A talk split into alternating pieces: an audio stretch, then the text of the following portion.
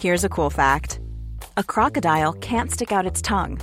Another cool fact you can get short term health insurance for a month or just under a year in some states.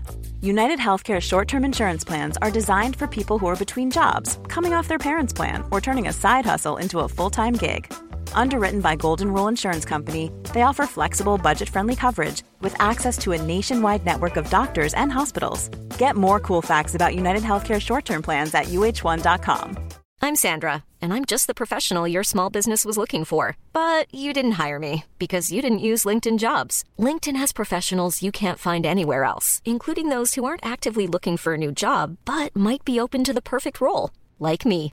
In a given month, over 70% of LinkedIn users don't visit other leading job sites. So if you're not looking on LinkedIn, you'll miss out on great candidates like Sandra. Start hiring professionals like a professional. Post your free job on linkedin.com/people today. Hey, it's Ryan Reynolds, and I'm here with Keith, co star of my upcoming film, If, only in theaters, May 17th. Do you want to tell people the big news?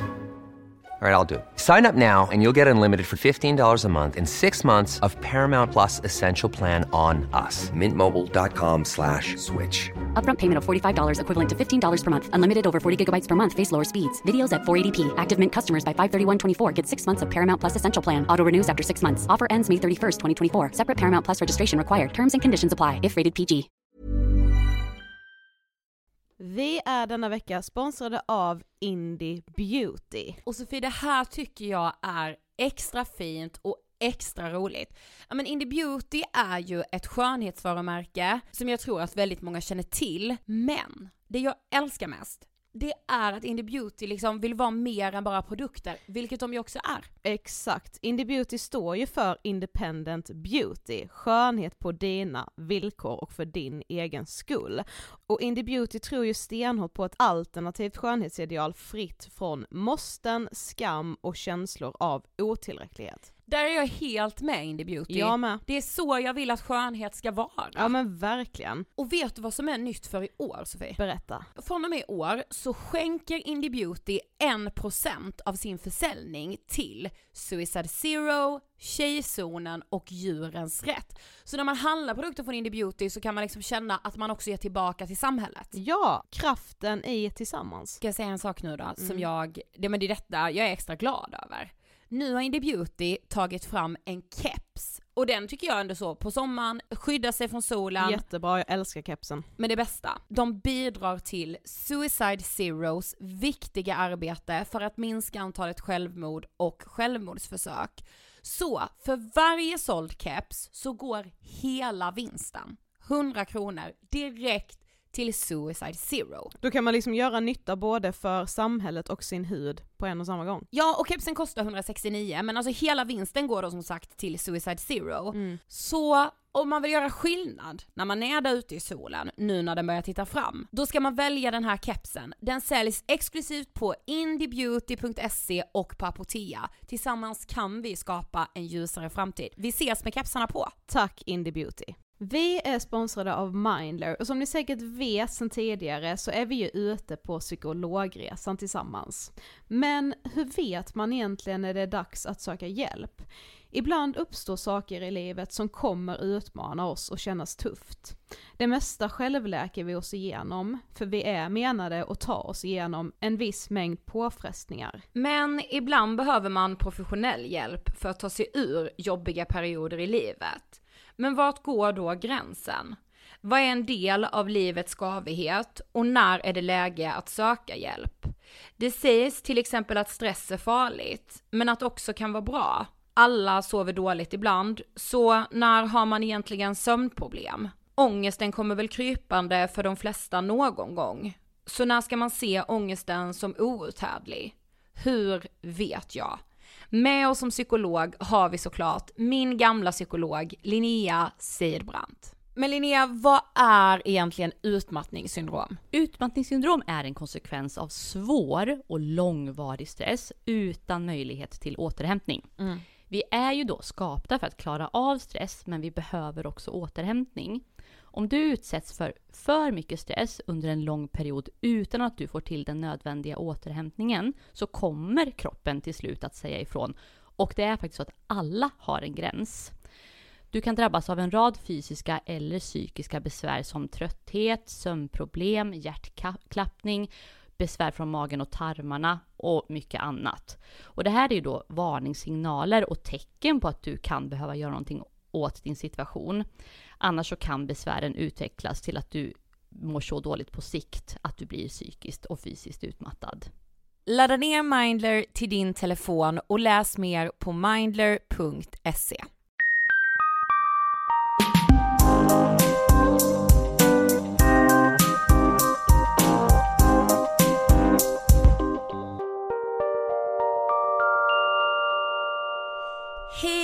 Det här är Ångestpodden avsnitt 380 med Ida Högstrand och Sofie Hallberg! Hej! Hur är läget? Bra tack, hur är det själv? Det är bra, vi har firat valborg, vi har liksom, vi är inne i en så hektisk, jätterolig jobbperiod. Ja, men vi är också inne i sköna maj. Sköna maj. Det är underbart tycker jag. Ja det är faktiskt underbart, vi, we did it yo! Ja, alltså verkligen. Ja men också att man så rakt över disk är i våren. Ja men vi är ju snart, snart i tidig sommar. Nej jag ska inte stressa. Nej. Men det, det är härligt att Ja men det leva. är jättehärligt, just min nu. födelsedagsmånad. Ja. Vecka kan jag sträcka mig till! Men Får det är ju ju... fan lugna ner Ja, men dig, jag har du är inte snart sagt- 30. Jo men jag har inte sagt att vi ska fira en hel månad, jag säger bara att maj är min födelsedagsmånad. Ja ja. Men det var inte det du menade när du sa Absolut. min månad. gjorde jag med. Nej, gjorde du inte. Vet vad jag har funderat mycket på? Nej. Att jag verkligen anammar mytomani. Mhm. Och det här låter ju skitkonstigt, det gör jag ju inte i så relationer. Men vet du när jag älskar att någon är mytoman? Nej. När man ska underhålla mig. Alltså Jaha. då är jag så här, ljug hur mycket du vill, jag vill bara bli underhållen.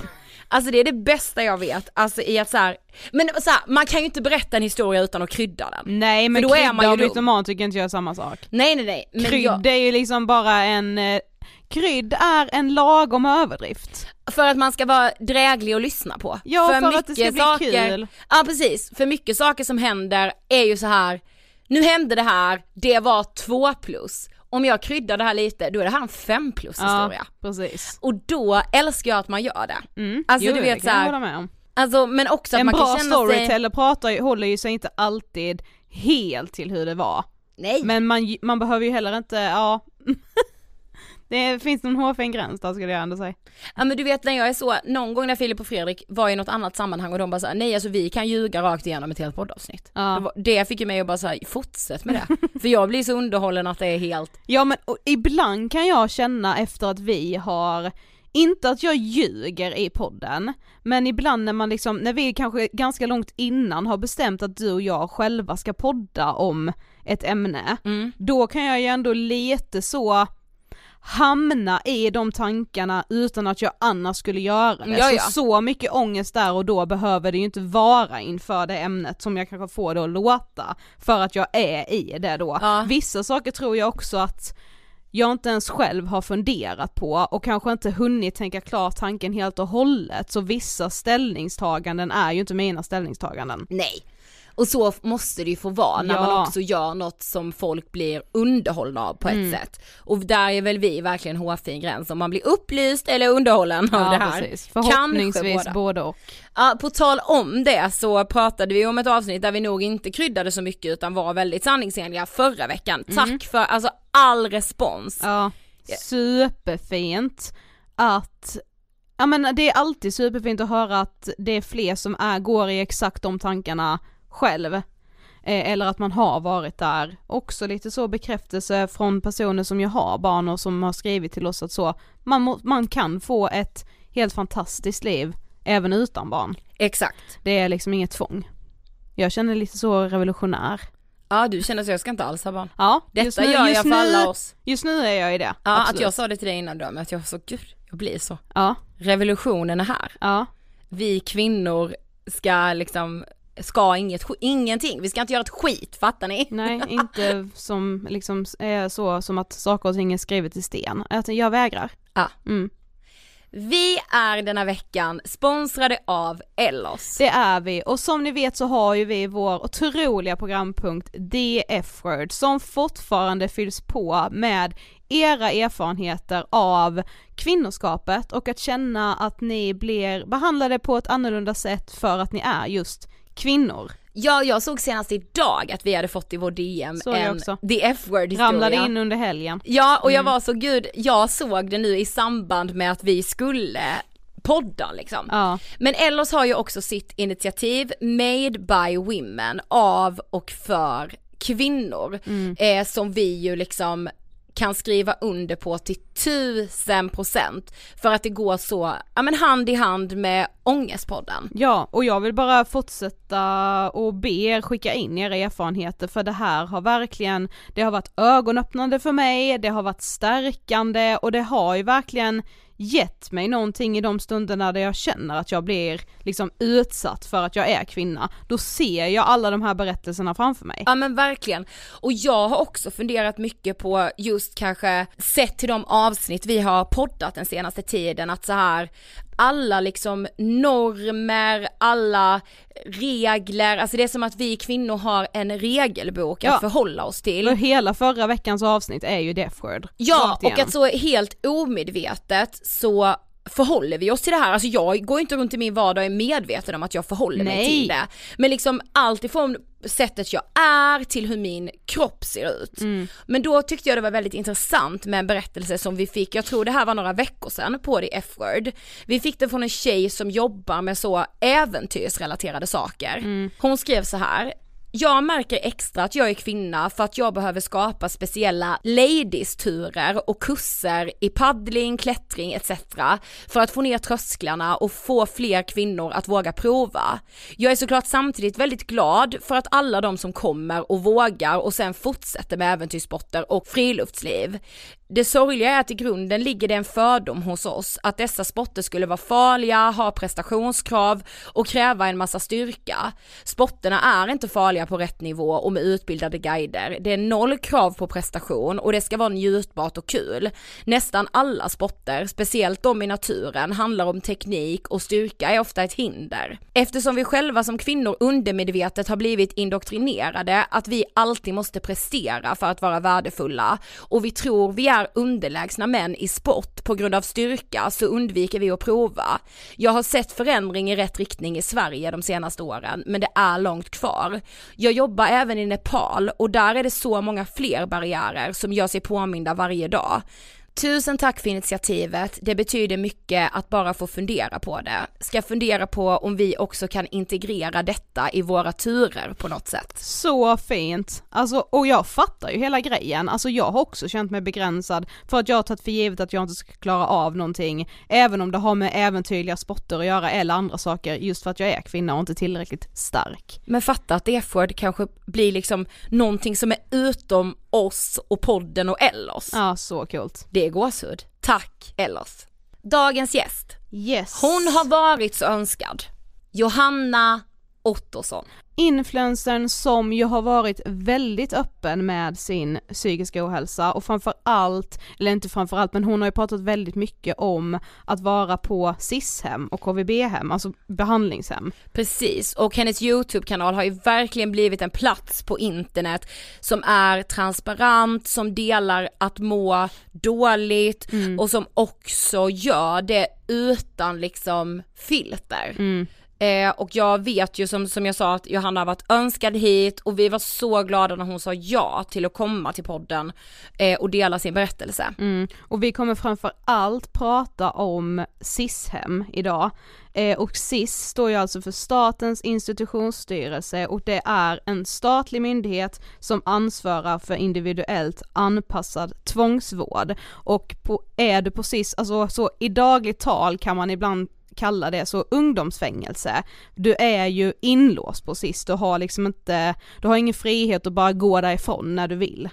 Precis, och problemet är ju att på SIS-hemmen idag så sitter det ju alltså dömda ungdomar tillsammans med ungdomar som mår extremt dåligt. Exakt. Och den här världen har ju verkligen Johanna fått se. Mm. Eh, och sen då pratar vi en del om HVB-hem och HVB-hem är ju då hem för vård och boende. Alltså en form av behandlingshem som inte är låst utan där kan du bli placerad eh, men du har också all rätt att säga så här, tack och hej jag vill inte vara här. Eh, jag tycker inte vi behöver säga så mycket mer än så. Nej, vi rullar intervjun med den viktiga Johanna Ottosson. Varsågoda! Hej Johanna och varmt välkommen till Ångestpodden! Tack så mycket. Det är väldigt kul att ha dig här, du är så otroligt önskad gäst. Jo men det är kul att vara här. Bra! Du ska få berätta, eh, vem är du? Gud den där frågan är så svår. Ja. Det är det svåraste som finns. Men jag heter Johanna, jag bor i Stockholm. Jag har en katt. Åh, Jag är 18. Det är det, det är jag. Ja. Jag älskar det, så kort, informativt, Ja. ja. behövs inte så Ja, mycket mer än jag är så. vegan. Ja just det, Nu från idag. Ja exakt. Så, Ja. Och vad, vad heter din katt? eh, Titi. Mm. Eh, vad tänker du på när du hör ordet ångest? Panik, typ. Eller mycket tankar inombords som bara dödar en. Typ. Ja. Men du är ju en jättestor youtuber, instagrammare, alltså influencer. Och ja men som Sofie sa, det är så många som har önskat dig till Ångestpodden.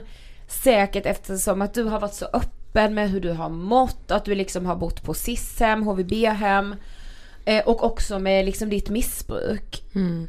Har det varit självklart för dig att vara, att vara så öppen som du är? Nej, alltså ja det har väl dröjt ett tag. Jag har varit mest öppen när det har hänt, eller när efter ett tag det har hänt. Jag har aldrig varit öppen när, direkt när det har hänt. För det känns för jobbigt men ett tag senare så har jag varit öppen och det känns som att jag vill hellre vara ärlig och vara en ärlig influencer om man säger så. Och visa liksom livet och inte försöka spela att jag har ett fantastiskt liv för det har jag inte. Mm. Men när du liksom startade din, eller när du blev influencer, var du redan då öppen med din, alltså den psykiska ohälsa som du hade haft då? Nej, det, jag vet, mm, jag snackar mycket om mitt självskadebeteende och det tog ett tag innan jag vågade liksom snacka om det Mm. och visa mina armar och sånt. Ehm, och jag var jätteobekväm i början men sen så blev det mycket lättare. Mm. Men du är född 2003, Yes. tio år efter mig och Ida. och du är uppvuxen i eh, Jönköping. Ja. Eh, Hur ser du tillbaka på din uppväxt? Jag har typ inga minnen alls. Alltså jag var en helt annan person. Jag bytte ju namn när jag flyttade till Stockholm. Från Fideli till Johanna. För att jag också ville typ bli en annan person. För att jag tyckte inte om den personen jag var. Ehm, så att jag helt ärligt inte så mycket minnen. Det känns som en helt annan person. Verkligen. Mm. När flyttade du till Stockholm? Eh, 2015. Mm. Och då var du alltså 12 år? Ja, Ja. jag tror det är 11 eller 12. Mm. Ja, för när du går i sexan, eller liksom när du börjar i sexan så börjar du också må dåligt. Mm. Vad, alltså vad händer då i ditt liv liksom? Eh, det var väl skolan som blev det största. Att det blev en sån... Dels att det var, liksom, det var mycket mer frihet i skolan kanske. Att ungdomarna, det var inte lika mycket kontroll som läraren hade innan jag gick i skolan. Och det blev bara mycket och ungdomarna var kanske inte så snälla. Och jag ville sen inte gå dit. Mm.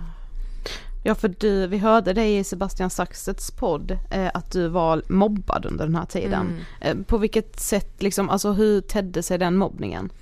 Alltså det var väl, folk, det känns som att folk var iskalla. Folk visste inte att man var en människa typ. Och de visste väl inte att man tog åt sig av de små sakerna de gjorde. Och man var bara allmänt utstött. Och speciellt på sociala medier. Ask, Ask FM, jag vet inte där, när man kunde ställa anonyma, Ja. anonyma frågor. Det var fruktansvärt. Mm.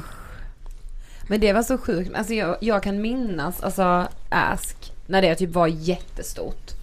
Just den anonymiteten, att folk liksom utnyttjade det så mycket till hat. Mm. Ehm, men, men hur liksom, hur började du må dåligt? Det var också lite, jag har lite svårt att komma ihåg men det har varit någonting med mig att det har bara, det är en ångest, det går inte att förklara en ångest.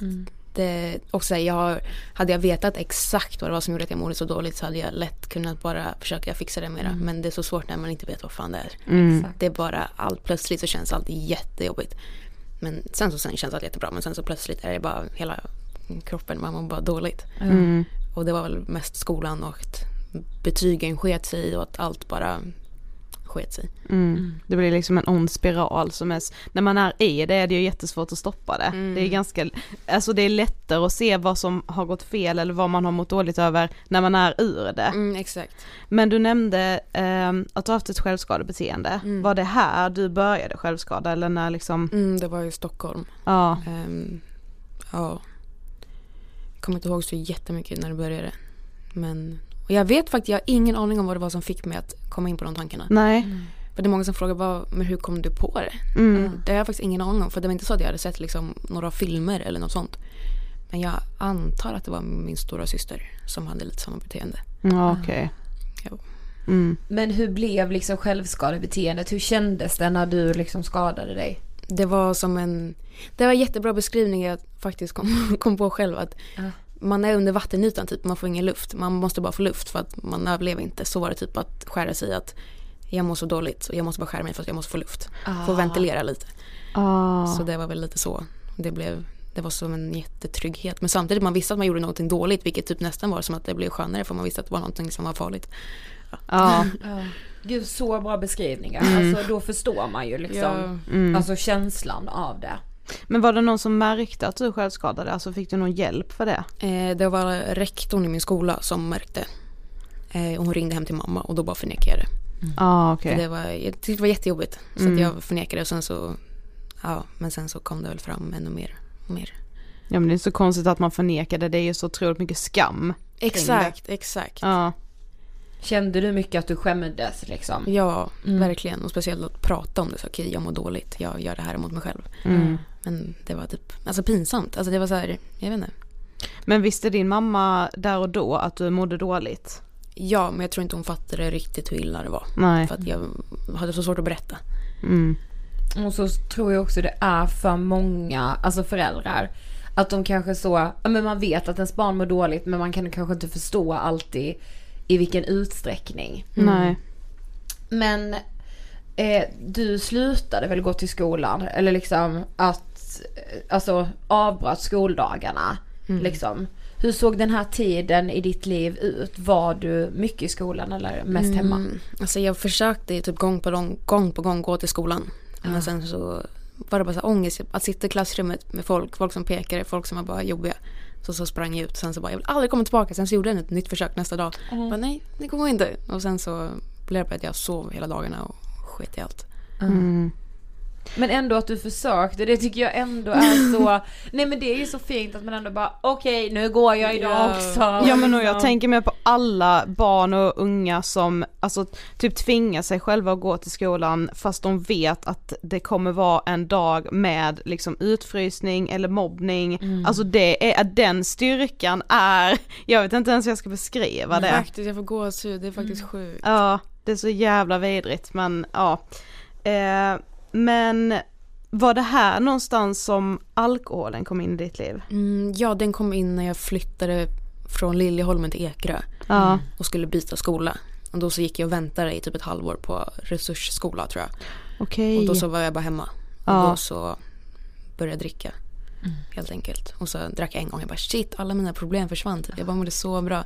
Och efter det, jag, kan, alltså jag glömmer aldrig den känslan. Den här gången. Jag bara låg där i soffan. Jag bara shit. Ehm, och efter det så bara, varför inte dricka det också? Varför inte nästa dag också? Mm. Men jag mår bra av det. Så varför inte?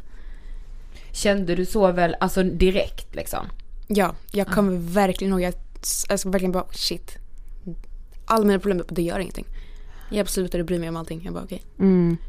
Kändes... Eh, Så då var det så att du ändå skulle byta skola, var det på grund av mobbningen då eller liksom? Ja, dels för att jag flyttade och att jag skulle, jag skulle gå om sjuan då för att jag hade inte gått sjuan. Nej, Så jag skulle gå om den i en ny skola. ja, Men det gick ju inte så bra i nya skolan heller. nej. För då hade jag blivit lite offentlig. Så att då kommer ju folk och bara "Ej, Johanna, får man ta en bild eller? Och då så sprang jag hem och sen kom jag aldrig tillbaka. Ah. Men hur liksom, vad blev, alltså blev alkoholen liksom som en trygghet typ? ja, verkligen. Mm. Det var, hände någonting. Jag kan aldrig vända mig till alkoholen för att den sviker mig aldrig. Men ja.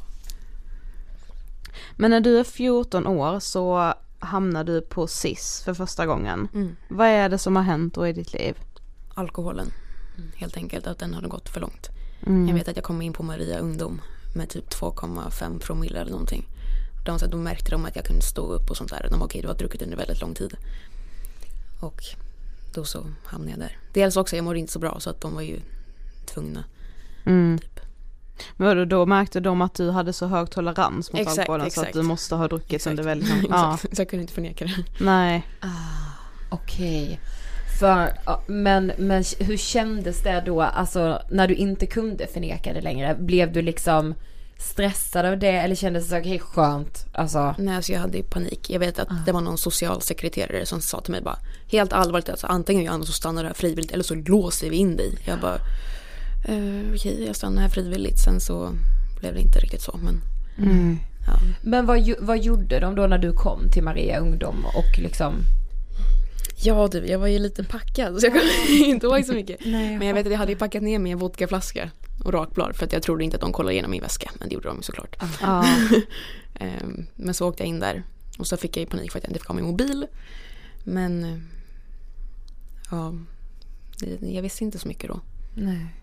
Men hade du haft alltså, mycket kontakt med vården innan detta? Jag hade haft kontakt med BUP och lite socialen. Ja. Men det är alltid som det alltid är. Bara, Okej, vi bokar in ett nytt möte. Ett nytt möte. Mm. Det händer ju aldrig någonting. Nej, det är bara möten. Alltså, Exakt, för liksom när det går för långt då händer det saker. Då, då vill man inte ens ha hjälp längre. Men då måste man tydligen ha hjälp. Ja. Så ja. Mm. Ja för du hade ju fått ett LVU här, visst var det så? Mm. Men alltså visste du om det själv eller liksom hur ställde du dig till det? Visste du det? Jag hade ingen aning om vad LVU var. Nej. Utan när jag, jag fick inte vara kvar på Mar- Maria ungdom. Jag blev skickad till BUP-akuten för att jag är självskadad. Och där så kom det sen då att ja, men nu kommer två, civil, eller två poliser och ska hämta dig liksom. Till ett behandlingshem. Jag trodde att det skulle vara så här, okej något behandlingshem i två veckor i Stockholm typ. Men så sa de ingenting i bilen. Och så fem timmar senare så var jag framme liksom vid SIS ungdomshem. Nere i Skåne då va? Nej det var faktiskt Brän, i, vad heter det, Vänersborg. Okej, ja. ja. Det första. Mm. Så du åkte egentligen dit och hade ingen aning om att du inte skulle få komma hem dagen, alltså, Nej alltså jag hade ingen aning. Jag ringde till mamma sen dagen efter. Jag bara mamma du måste komma och hämta mig. Hon bara men jag får inte. Det är inte jag som har liksom vårdnaden över dig längre. nej för att visst var det så att din mamma i denna vevan förlorar vårdnaden om Exakt, dig? exakt. Eller hur? Ja, Så att socialen hade Ja precis. vården om mig istället för mamma. Men hade hon någon aning om det då? Eller fick hon också bara ett samtal så, nu har du inte vårdnaden längre över ditt barn? Jag tror att hon trodde att jag bara också skulle bara iväg på något behandlingshem Ja. och sen skulle få komma hem. Inte att, det skulle bli så, att vi skulle bli så missförstådda. Att socialen fick helt fel uppfattning om vem, vi var. Ja, Så att hon fick, blev också panik sen när hon insåg att hon inte fick hem sitt barn. ja självklart. Alltså har man inte blivit, det är nog eh, liksom jobbigt oavsett men har man inte blivit förberedd på det så blir det ju ännu värre. Alltså. Men hur liksom, alltså hur var din, för, vad var din första bild av att komma till ett SIS-hem? Jag hade ju, alltså jag hade ingen aning om vad det var. Det, Nej. jag kommer ihåg vad de sa, vi måste ha din mobil. Och bara där fick jag panik, vänta ska någon bestämma över mig, vad min mobil ska hamna? Och sen att jag var tvungen att byta om och liksom visiteras framför dem. Jag fick panik men de var ju tvungna att alltså, visitera mig. Och sen så kom jag var i chocktillstånd så jag har inte så mycket minnen men jag Nej, vet bara jag att jag la mig i min säng och sen så sov jag. Och, ja. Men SIS är ju liksom som du själv har beskrivit ett som typ ett sista alternativ, alltså det är ju inte lätt att hamna på SIS, det krävs ju liksom, ja men mycket vårdkontakter och att det har hänt många saker som gör att man till slut får det här LVU och så. Men hade du och din mamma försökt få hjälp på andra sätt? Mm, ja, alltså vi hade väl försökt med skolan, med BUP, psykologer och sånt där. Mm. Men sen så var det väl också att det var sånt akut situation när jag inte ville leva och då var det också att de visste inte riktigt vart de skulle sätta mig. Då hamnade man på SIS. Ja. Eller inte alltid, det krävs ju ändå mycket. Men eh, den blev väl akut. Jag, jag har bara haft en oturen typ att hamna på SIS. Ja men och sen samtidigt är det ju så sjukt att liksom när, om man ändå söker hjälp och försöker få hjälp och man bara går på de här mötena som Ja, inte leder, alltså hur ska, exakt. hur ska ett helt vanligt möte hjälpa någon som mår dåligt? Det är Exakt. liksom psykologtid man behöver Ja, och exakt. terapi och behandling på något sätt. Exakt. Det är det som är så, ja det är så skevt. Ja och också så, alltså för visst är det så att på SIS sitter ju även liksom brottsdömda. Exakt. Mm. Typ så här, jag hade inte, jag hade bara drogmissbruk. Nej, alkoholmissbruk, inte drogmissbruk. Mm. Men när jag kom ut från SIS och allt, då visste jag allting om droger. Jag Ja. började Ja. röka och allt sånt. tack vare SIS. Ja. För att jag satt med de som också hade, alltså hade den problematiken. Cool fact a crocodile can't stick out its tongue. Also, you can get health insurance for a month or just under a year in some states. United Healthcare short term insurance plans, underwritten by Golden Rule Insurance Company, offer flexible, budget friendly coverage for you. Learn more at uh1.com. I'm Sandra, and I'm just the professional your small business was looking for. But you didn't hire me because you didn't use LinkedIn jobs. LinkedIn has professionals you can't find anywhere else, including those who aren't actively looking for a new job but might be open to the perfect role, like me. In a given month, over 70% of LinkedIn users don't visit other leading job sites. So if you're not looking on LinkedIn, you'll miss out on great candidates like Sandra. Start hiring professionals like a professional. Post your free job on linkedin.com/people today.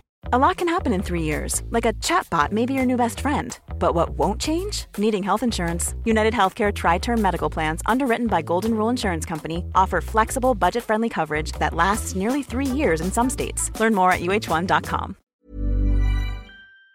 Precis, för det hörde vi, eller vi, att, jag tror du sa det i någon video just det att så här, ja men att det liksom blev att du visste hur mycket som helst om droger när du hade suttit på SIS och, och på liksom typ HVB-hem och sådär. Men hur, hur, hur började liksom din användning med droger? När kom du i kontakt med det? Eh, det var ju när jag hade kommit ut från mitt första SIS och behandlingshem. Nej, mitt andra SIS var ju behandlingshem. Ah, okej, ja. Ehm, som jag började må dåligt igen och jag visste att jag kunde inte dricka alkohol för att mamma var ju noga med alkoholmätare och sånt där. Så jag tänkte, men droger. Och så googlade jag på droger också. Så jag bara okej, mm, hitta någonting som jag kände skulle passa mig. Och så testade jag bara själv på mitt rum och jag bara det här är fantastiskt. Och sen så fastnade jag med det. Vad var det för drog du testade då? Eh, jag tror det var kokain. Eh, och sen så var det för dyrt då så att jag körde på amfetamin. Ehm, ja. Och var det också, alltså så första gången du testade var du själv i ditt rum liksom? ja, det är det folk tror. Det är också det SOS har trott att jag är en sån tjej som hänger ute med folk och tar droger. Men jag har alltid varit den som sitter själv på mitt rum. Tar droger för att kunna liksom hantera vardagen. Ehm, Alltså det är så sjukt. Men då skulle man kunna säga egentligen att det är liksom SIS-hemmen som har introducerat dig för drogerna då. Men det är Verkligen. tiderna mellan att du har bott på SIS-hem, för du har ju bott på tre olika SIS-hem. Mm. Det är liksom de, den tiden däremellan som har liksom fått dig att, ja men som har liksom lett till att du har hamnat i ett drogmissbruk. ja men exakt, det, SIS har ju visat mig då att det finns andra alternativ här. Ja. De här tjejerna är beroende av droger så det verkar vara fantastiskt. Och då är det klart jag också testar det. Ja. Alltså ja. Men hur kan de samtalen se ut? Alltså är det liksom att man pratar mycket om droger och så, alltså är personalen medvetna om det? Så ja, jag skitsamma eller Ja. liksom? Ehm, ja men det snackas om typ om man sitter och spelar kort. Bara, "Åh, jag skulle haft lite tram nu liksom. Alltså, eller så, ja, tram, jag vet något när jag var 14, mitt första sist, jag satt med några tjejer, de snackade om typ ja, men några droger på att det är så fantastiskt. Alltså, du ska aldrig testa, det är så här fantastiskt. Alltså wow. Det, men det är klart jag vill testa då. Ja, man mår så bra av det. Precis. Och sen personalen är väldigt okunnig. De är ju bara, det är så här, vem som helst kan jobba på SIS. Man behöver ingen utbildning så att de, det är, förlåt men det är idioter som jobbar där. De är inte så bra ibland. Nej. Nej men för det såg man ju, jag vet att Uppdrag granskning gjorde en typ granskning av det och att så här, de kunde ju visa det att de, alltså typ hälften av de som jobbar på SIS-hemmen har absolut ingen behörighet eller utbildning för det. Och det är ju jätte, alltså både farligt och enormt liksom, ja men ett svek mot alla som behöver hjälp. Att så, jaha, vem som helst som inte ens har en utbildning kan valsa in här och ta, ska ta hand om jättesjuka personer. Nej, det, alltså det är sanslöst. Ja. Men hur skulle du då beskriva livet på SIS? Ehm, man är inlåst och ingen lyssnar på en. Ingen tror på en. För att man är ett problembarn som sitter placerad. Så att alla tror på personalen och lyssnar på allt alla andra säger. Ehm, man är inlåst, man blir galen. Man vet inte vart man ska ta vägen men man kan inte ta vägen någonstans för att man är inlåst. Det är en panikkänsla, verkligen. Ehm, Men hur inlåst har du varit? Alltså när man säger inlåst, är det liksom inlåst på en avdelning, inlåst i ett rum? Alltså hur ser Ehm, inlåsningen ut liksom? ja, det, är olika, det finns isolering och sånt på SIS. Ja. Eh, men ja, men inlåst på en avdelning. Ehm, och sen så var jag på mitt sista sist var jag på VIE, vård i enskildhet. Så då var jag inlåst på alltså mitt eget rum. Ja. Ehm, ja. i tre månader. Där var det faktiskt väldigt ensamt. Ja, ingen- det förstår man jag. bortglömd typ. Ja. Så här, personalen skulle ändå kolla till mig en gång i kvarten men det kunde gå flera timmar och de glömde bort mig. Och satt man där och bara, fan jag vill ju röka men det kommer ingen men då sitter jag väl här då. Alltså. Det är så här, det känns inte riktigt som en miljö som man mår psykiskt bra i. Nej det är just Hur det. ska man bli frisk Ja, i en man, sån miljö? Man hamnar i det för man mår dåligt men så Ja. mår man ju 10 000 gånger bättre, sämre. Ja, Ja.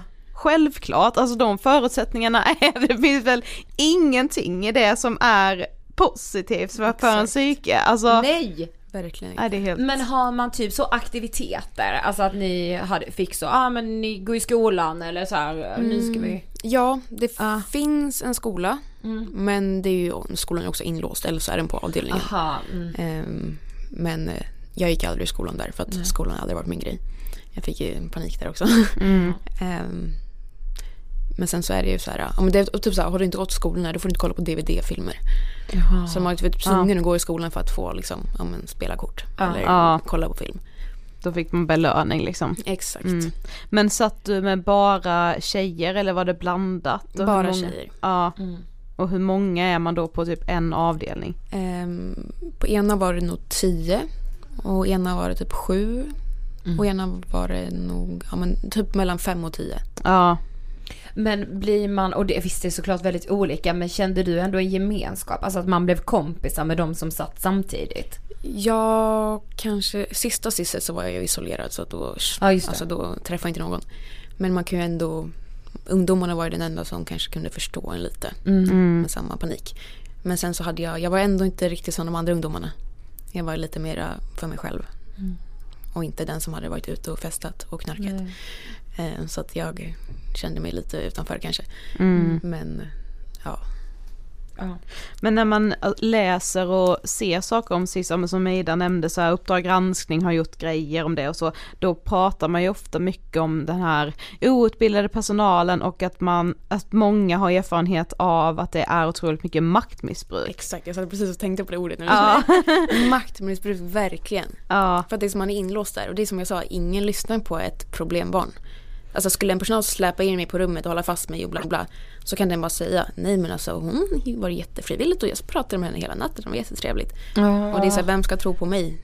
De tror på personalen såklart. ja, Och de, bara för att man har LVU och de har liksom rätt att ja, men, ta tag när det händer allvarliga situationer så tar de det väldigt mycket mer än de behöver. Liksom. Mm. Bara någon höjer rösten så är det liksom äh, ner på golvet, larm. mm. Så de utnyttjar det väldigt mycket.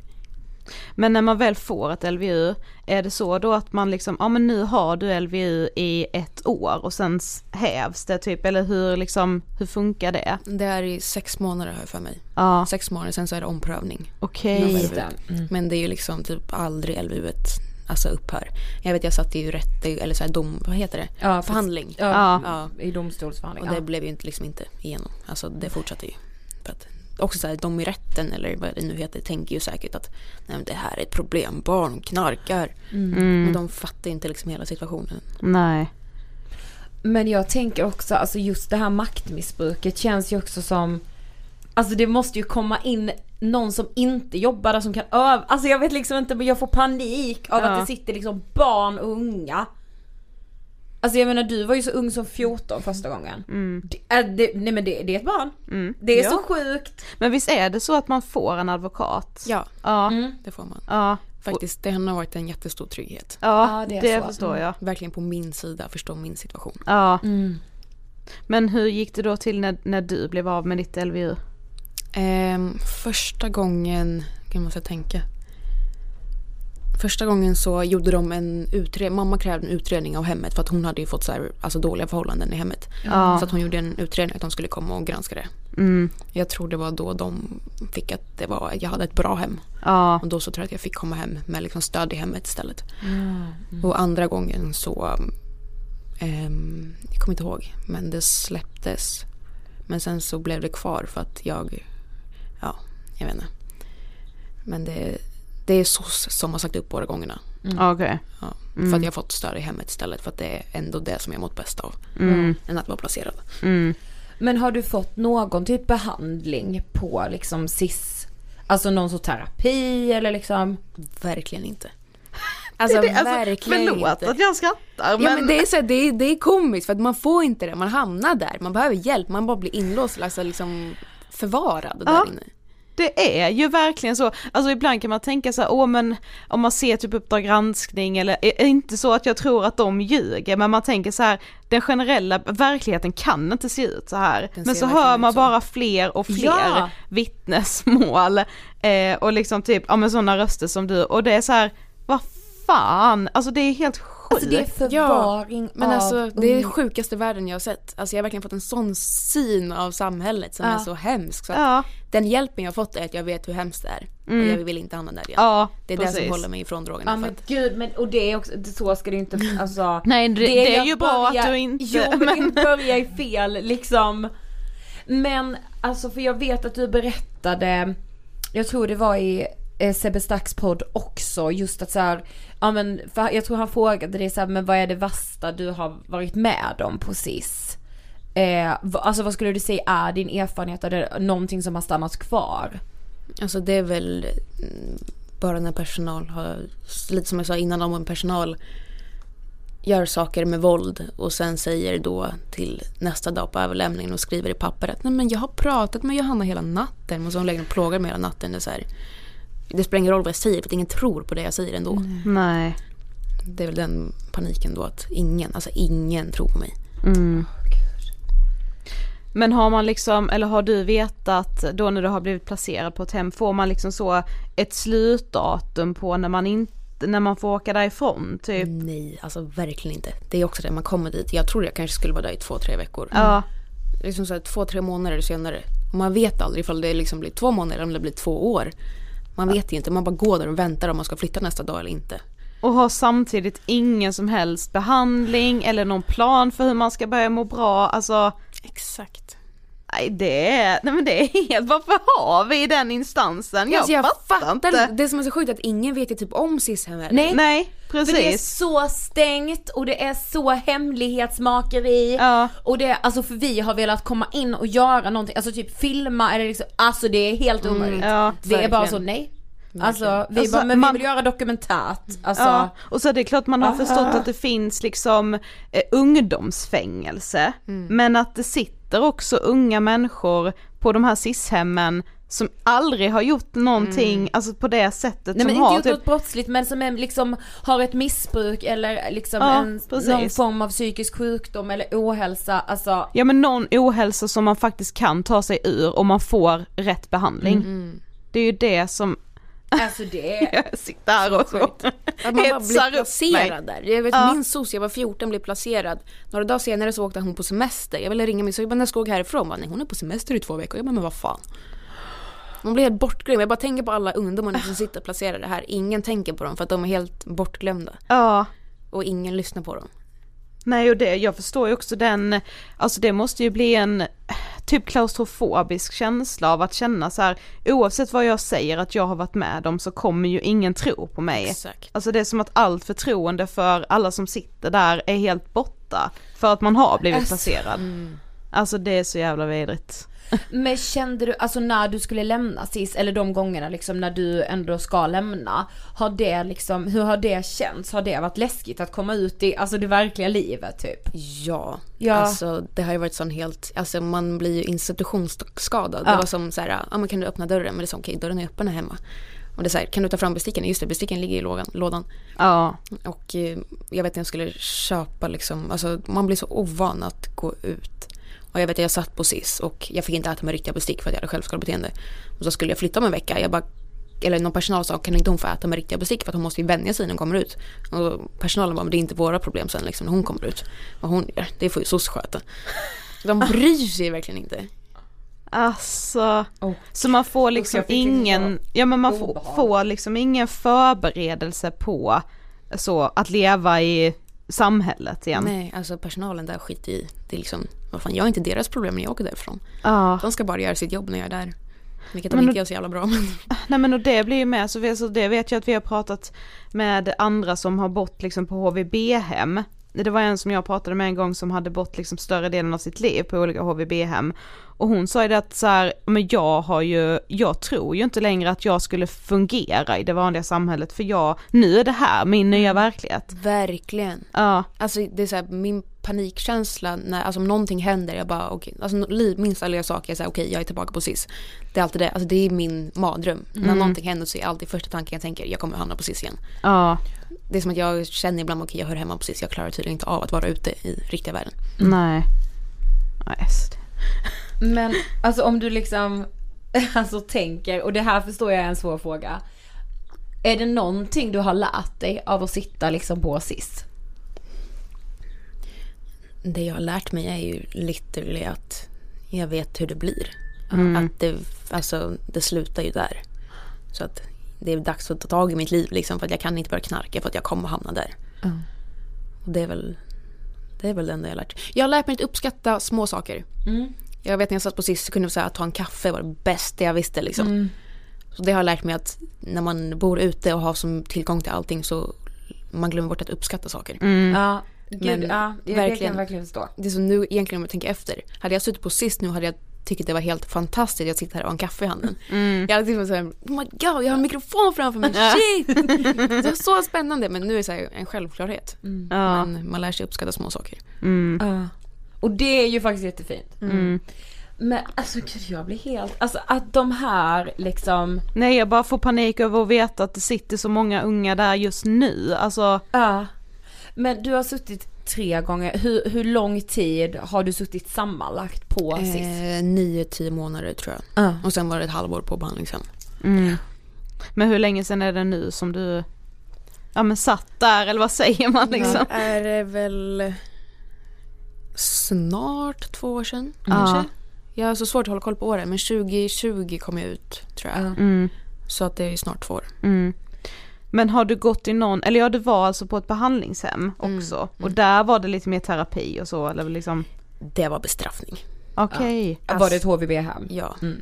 Fruktansvärt. Då var nästan SIS bättre. För att där på behandlingshemmet ute så var det liksom ingen hade koll på det. Ingen har koll på SIS heller men Nej, inte fan det är ändå så här alltså statens. Men behandlingshemmet var extrem bestraffning. Okej. Var det mycket droger och så på behandlingshemmet? En del ja. Mm. Alltså, För det Ja, har det- man ju hört väldigt mycket om just att HVB-hemmen har haft sån, alltså att det är jättemycket droger där och att så här, det är ingen som kan bli drogfri i den miljön. Hur ska det gå till liksom? Ja.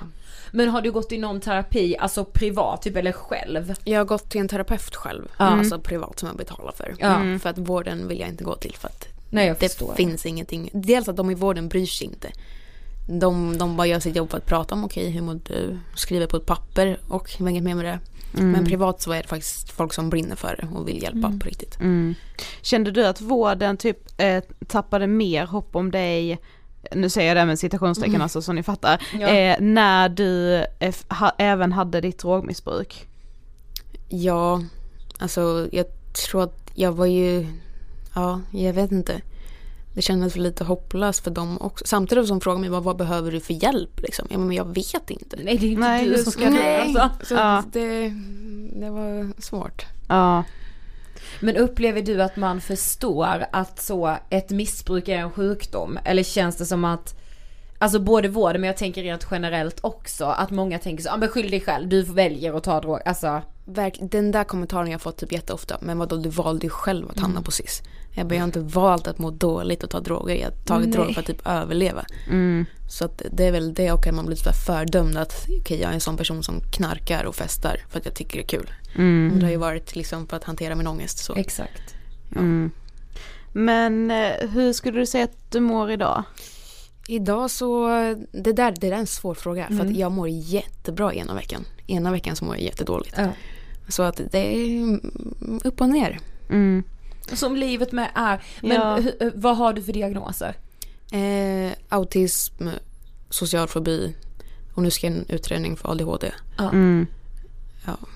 Och visst var det så att du ändå, din autismdiagnos fick du ganska nyligen? Jag fick den när jag var, ja, när jag var 12, 13. När jag Ja. var 13. Ah, okej. Mm. Så man visste att du hade autism när du ändå var på SIS och Ja. låste in dig? Ja.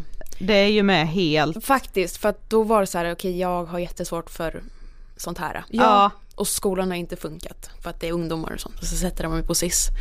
Okej, tack. och så bara en sociala fobi blir kanske inte heller jättemycket bättre om man är inlåst och inte träffar, alltså Verkligen inte. Nej men det är så bara icke anpassat till någon form av psykisk ohälsa att vara på SIS, alltså Har du känt att dig liksom sviken av samhället? Ja, alltså jag är så här, jag får ju lite panik. Alltså om jag mår dåligt så vet jag att det finns ingen hjälp att få. Jag vet att jag måste ta tag i det här själv. För att det finns ingen hjälp att få av samhället. Det är jag som måste lösa det här. mm. ja jag fattar att det är så det känns. Ja. Men hur ser du liksom på framtiden?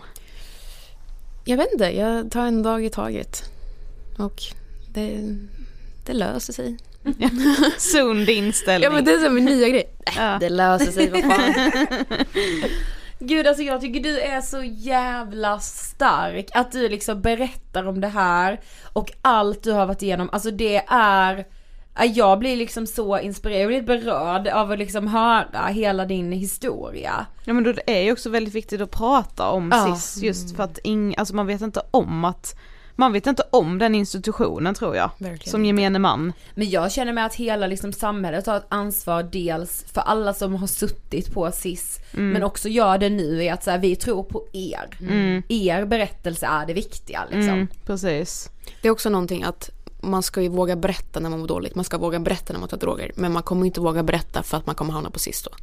Så att då håller man käften istället. För att man vet man vill inte hamna där. Då vågar man inte be om hjälp. Nej precis. Och så kan det fan inte vara. Nej, Ja. verkligen inte. Men vad inspirerar dig? Alltså jag tänker till att också prata om det. Vad känner du att så här, jag vill göra det här för att För att när jag hör att folk säger att de- jag har hjälpt dem. När folk säger om du har fått mig att våga göra det här, du har fått mig att våga berätta, bla bla. Det är det som får mig att, för att okej skit i mitt liv men om jag kan hjälpa någon annan så mår jag bra av det. Mm. Vad, vad fann du liksom inspirationen när du själv var på SIS? Alltså vad fick dig att fortsätta orka kämpa? Um, alltså jag ville ju inte leva. Men sen så kunde jag inte ta mitt liv för att man hade ju ständig tillsyn och folk kollade på en hela tiden. Så att jag, jag, jag hade bara panik, jag ville, jag ville inte vara där, jag orkade inte kämpa. Mm. Men man var ju tvungen för att man kunde inte försvinna därifrån. Men eh, min mamma, alltså utan mamma, alltså jag, mamma verkligen. Utan henne så hade jag hade inte klarat det. Mm. Det är så fint när ni har gjort videos tillsammans. Ja, de är så fina. Ja, man förstår verkligen mig som ingen annan kan göra. Ja såklart. Och hon, men gud vad hon har kämpat också i det här. Ja. Verkligen, det har varit minst lika jobbigt för Hon henne, får tror jag. komma hit också. Ja, exakt.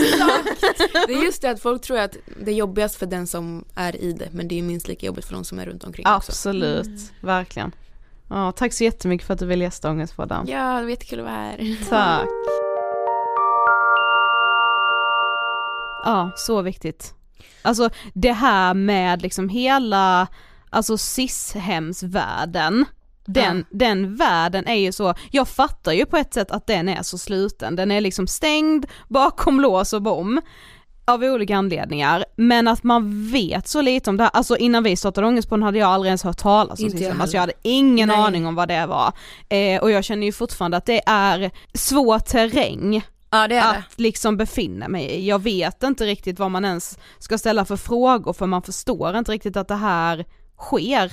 Nej, alltså att så många ungdomar är inlåsta för att de mår psykiskt dåligt. och därför blir ju Johannas berättelse så otroligt viktig. Den blir ju någonting mer än att dela med sig av att man mår dåligt. Inte för att det är, är liksom litet, det är stort nog. Ja, ja. Men att hon också kan dela berättelsen om hur det är att liksom bo på ett sissen bakom låsta dörrar när man mår så fruktansvärt dåligt. Och bara som liksom lekman, som man själv är, så kan jag inte för mitt liv förstå hur den miljön ska göra någon frisk. Nej men som Johanna själv sa, det var liksom så hon blev introducerad till droger för att liksom, ja men det är så tugget går. På alla, alltså både, och då pratar vi både liksom de här cis låsta liksom SIS-boendena och HVB-hemmen. Ja. Eh, Sen är det också, det poängterade Johanna med men jag vill ändå bara säga det igen att det krävs ju väldigt mycket för att du ska hamna på SIS. Alltså Ja. bara för att du kanske känner att du mår väldigt väldigt dåligt psykiskt så ska ju du inte vara rädd för att söka hjälp för att du är rädd att du ska hamna på SIS för så kommer det inte vara. Alltså det krävs väldigt mycket. Precis. Tusen tack Johanna för att du ville gästa Ångestpodden, äntligen. Fantastiskt. Och vill ni veta mer om Johannas erfarenheter så finns ju typ allt på hennes YouTube-kanal. Ja. Det var allt för den här veckan. Det var allt för idag. Ni har lyssnat på Ångestpodden, jag heter Ed Högerstrand och jag har pratat med Sofie Hallberg. Yes, på Instagram heter vi Angestpodden. Ja, in och följ. Hej då! Hej då!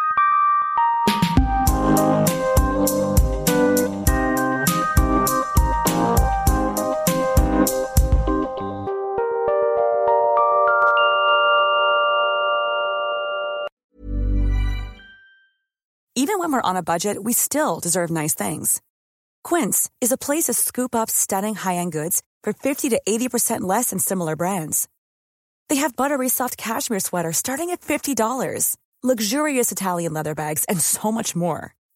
Plus, Quince only works with factories that use safe, ethical, and responsible manufacturing. Get the high-end goods you'll love without the high price tag with Quince. Go to quince.com slash style for free shipping and 365-day returns. Even when we're on a budget, we still deserve nice things. Quince is a place to scoop up stunning high-end goods for 50 to 80% less than similar brands. They have buttery soft cashmere sweaters starting at $50, luxurious Italian leather bags, and so much more. Plus, Quince only works with factories that use safe, ethical, and responsible manufacturing. Get the high-end goods you'll love without the high price tag with Quince. Go to quince.com slash style for free shipping and 365-day returns. Imagine the softest sheets you've ever felt. Now imagine them getting even softer over time. That's what you'll feel with Bowl and Branch's organic cotton sheets. In a recent customer survey, 96% replied that Bowl and Branch sheets get softer with every wash. Start getting your best night's sleep in these sheets that get softer and softer for years to come. Try their sheets with a 30-night guarantee. Plus, get 15% off your first order at bowlandbranch.com. Code BUTTERY. Exclusions apply. See site for details.